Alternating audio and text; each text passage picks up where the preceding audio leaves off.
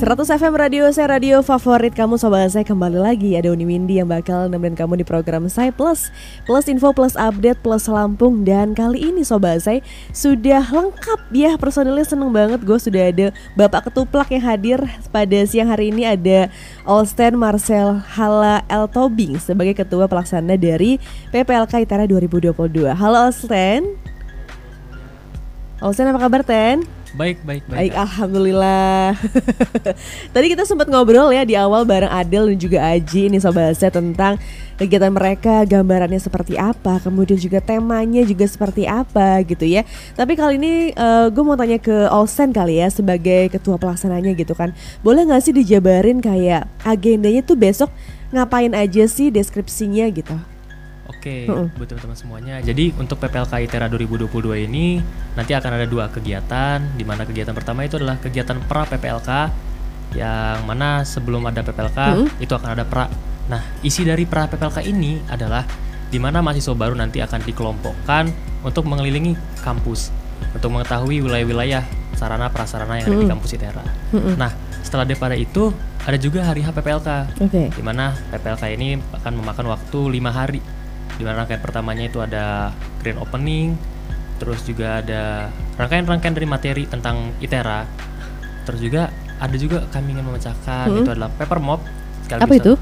Paper mop ini adalah suatu agenda hmm. di mana uh, mahasiswa-mahasiswa baru akan mem membuat koreografi dari sebuah kertas yang akan diliput dari atas menggunakan drone. Oh, okay. Dengan mahasiswa berkapasitas kurang lebih 4 ribuan. 4 ribu mahasiswa tahun ini iya. ya? Oh keren kalian berarti mengakomodir sekitar 4000 mahasiswa. Keren. terus terus apa lagi nah, nih? Setelah itu akan ada juga hmm? pemecahan rekor muri yang okay. akan dilaksanakan. Nah, hari untuk hari terakhir hmm? pada tanggal 20 Agustus itu akan ada CUI ataupun Collaboration Unit ITERA di mana pagelaran dari UKM UKM ataupun kebudayaan yang ada di Institut Teknologi Sumatera. Oh itu dia jabarannya deskripsinya tuh uh, secara detailnya seperti itu ya. Cuman yang menarik tadi adalah pemecahan rekornya. Hmm. Itu pemecahan rekor yang seperti apa yang ingin kalian pecahkan gitu? Oke, jadi untuk pada tahun ini hmm. yang kami bawa itu adalah pemecahan bentangan kain khas tradisional dari Sumatera. Oh, kain apa? Nah, untuk kainnya sendiri ini itu adalah kain tapis. Oh, kain tapis iya. ya. Jadi uh, gimana sih uh, uh, gambarannya gitu ketika kalian ingin memecahkan rekor itu? Apakah nanti teman-teman uh, semua 4000 mahasiswa itu di ITERA kemudian menjambarkan uh, siapa itu namanya kain tapisnya gitu atau gimana tuh? Oke, untuk uh, teknisnya nanti mm -hmm. itu teman-teman akan diberikan dikelompokkan menjadi per kelompok di mana per kelompok itu nanti akan diminta untuk mempunyai kain tapis sepanjang 10 meter per kelompoknya. Okay. Dan dibentangkan dengan perwakilan kelompok itu kurang lebih 2 sampai 4 orang untuk membentangkan kain 10 meter tersebut. Mm -hmm. Terus terus akan disambung dengan kelompok-kelompok yang lainnya mm -hmm. untuk dijadikan sesuai dengan rute dengan pembentangan terpanjang. Oh gitu. Jadi memang uh, pembentangan kain tapisnya ini sendiri yang ingin memecahkan rekor ya, rekor muri nasional atau di Lampung sih kalau muri itu nasional ya berarti. Ya, Wah keren nih. Semoga ini sudah menjadi gambaran sudah pasti didapatkan gak sih kalau rekor muri yang seperti ini? Hmm.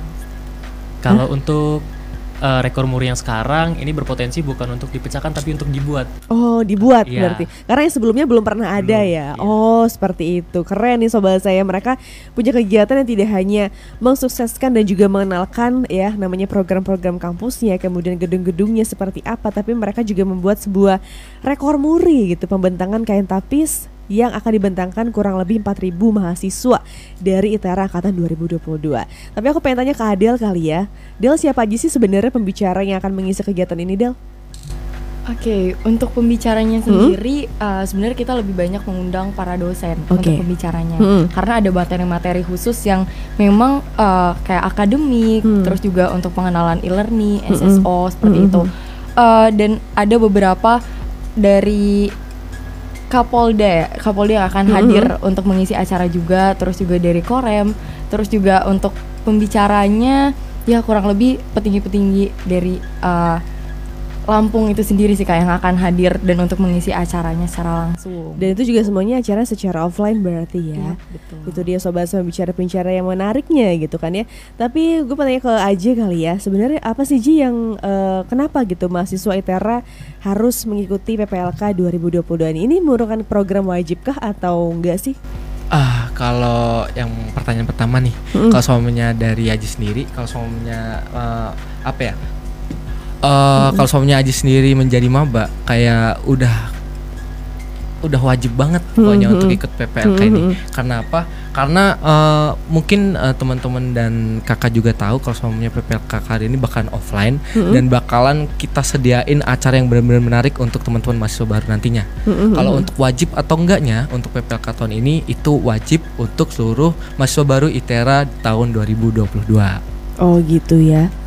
Terus ada lagi yang ditambahkan? Ah, mungkin kalau semuanya pesan-pesan aja sih hmm, kalau semuanya untuk teman-teman mahasiswa baru ITERA jangan lupa ada komdis. Ada apa? Ada komdis. Komdis adalah? Ada komisi disiplin nanti oh, di Oh iya iya. Ini lagi teman-teman ITERA ya mungkin yang baru jadi mahasiswa sendiri gitu kan ya akan melakukan sebuah PPLK gitu ya ada tips tadi dari Aji yeah. gitu ya. Tapi ini acaranya diadakannya kapan sih by the way? Siapa yang jawab? Ketua pelaksana mungkin. Acaranya kapan nih? Oke, okay, uh, eh, buat teman-teman semuanya. Jadi hmm. untuk acaranya ini itu ada dua sesi hmm. di mana untuk pra sendiri itu ada di tanggal 12 dan 13 Agustus. Hmm. Sementara untuk PPLK-nya itu dimulai dari tanggal 16 sampai 20 Agustus. Oh, 16 sampai dengan 20 Agustus 2022 gitu ya di Gedung ITERA uh, Bandar Lampung gitu. Cuman ini akan uh, sebuah apa ya perpindahan gitu ya dari pembelajaran online kemudian ke sekarang ke offline. Gue pengen tanya satu persatu kepada kalian gitu ya. Uh, apa yang membuat kalian akhirnya ya ampun alhamdulillah akhirnya offline. Apakah seneng atau kayak kayaknya gue udah nyaman online gitu loh. Coba deh ke dari siapa? Dari Aji kayak ya? Ini udah banyak. Kayaknya kata-kata yang ingin diungkapkan gitu. Uh, kalau dari aku sendiri sih hmm. uh, udah nyaman banget online. Kenapa tuh? Kenapa? Karena takut offline. Enggak ya? Karena uh. karena menurut aku sendiri sih kalau soalnya online pun karena kita kan online udah mungkin bisa dibilang dua tahun hampir di tiga tahun kita hmm. untuk pembelajaran secara online hmm. dan menurut Aji sendiri sih uh, mungkin ada beberapa plusnya ada beberapa minusnya tetapi uh, mungkin yang lebih tepat sih uh, hybrid sih enaknya oh, karena uh, menurut Aji sendiri tuh kalau untuk pembelajaran online tuh udah pas untuk penyampaian materinya tetapi kalau untuk praktiknya hmm. di lapangan itu harus offline sih kak Iya apalagi Haji sendiri kan ngambil pertambangan, uh, pertambangan gitu yeah. ya agak susah ya kalau misal online, online gitu kan ya. Ini prakteknya gimana nih Bu? Yeah. susah gitu kan ya. Tapi kalau Adel sendiri Del gimana Del? Hmm, kalau aku mungkin nggak jauh beda sih sama Aji. Hmm. Aku udah terlalu nyaman untuk hmm. online hmm. karena hmm, apa ya kalau di prodi aku sendiri itu kita nggak ada praktik yang terjun ke lapangan. Okay. Jadi full ya oh, iya, praktikumnya iya, iya. kita kebanyakan ngoding. Hmm, hmm, hmm. Jadi ya emang udah nyaman online dan selama 2 tahun mungkin kalau prodi lain ada beberapa yang sempat datang ke kampus hmm. untuk offline sedangkan kalau prodi aku sama sekali nggak ada oh. tuh jadi uh, ya sedang menyiapkan mental sih untuk semester 5 ini offline tapi udah mulai ya berarti ya nanti abis setelah acara ini udah mulai normal kembali ya berarti yeah. ya iya. siap-siap bangun pagi yeah. kuliah pagi yeah. PR sebenarnya anak-anak sekolah juga seperti itu gitu kan ya yang biasanya nggak pernah bangun pagi bangunnya udah lama nanti aja cuci muka aja gitu ya atasnya pakai seragam baunya enggak tapi kalau dari Alsten sendiri berdua Alsten ngambil jurusan apa Ten? Uh, kalau saya ngambil jurusan teknik geomatika kak. Waduh berat ya. Itu pelajaran tentang apa nih? Kalau itu pelajaran tentang ilmu kebumian. Hmm? Di mana nantinya mayoritas lulusan-lulusan dari teknik hmm. geomatika ini akan bekerja di PT seperti Wika, hmm. Waskita dan juga ATR BPN. Oh gitu. Pertambangan di mix dengan kebumian akan menjadi cocok nggak nih? Betul. Cocok ya. Yeah. Tapi uh, selama Ausen kuliah kurang lebih berarti angkatan Ausen 2020 berarti ya. Yeah, betul. Selama dua tahun kuliah gitu ya. Tadi aku udah tanya ke Aji dan juga ke Adel gitu. Aku belum tanya ke Ausen. Apa yang udah didapetin ketika kamu belajar ilmu kebumian nih? Kalau untuk saya pribadi ya kak hmm? tentang ilmu kebumian ini cukup banyak, tapi agak sedikit terkendala. Kenapa tuh? Karena sebelumnya saya juga memang SMK Geomatika, hmm? tapi ketika pas masuk wilayah kampus yang notabene ingin terjun ke lapangan juga, tiba-tiba terkena kendala COVID kan, hmm, hmm, hmm. jadi bener-bener agak susah untuk menyeimbangkan transisi dari mahasiswa ke dari siswa ke mahasiswa. Ditambah lagi ilmu-ilmu yang didapetin kalau dari saya pribadi itu kurang masuk apabila pembelajaran secara online. Oh gitu. Ya, Jadi itu menjadi kesulitan juga ya untuk pembelajaran betul. online ya. Berbanding terbalik sama Adel. Iya. Dia nyaman banget tuh online. Tapi kalau misalnya Osa sendiri lebih nyaman offline sebenarnya. Iya benar. Sekarang kan udah mulai untuk sedikit demi sedikit offline ya sampai nanti uh, tahun semester baru akan sepenuhnya offline gitu. Apa yang kira-kira yang paling ditunggu Osen pas uh, nanti offline gitu?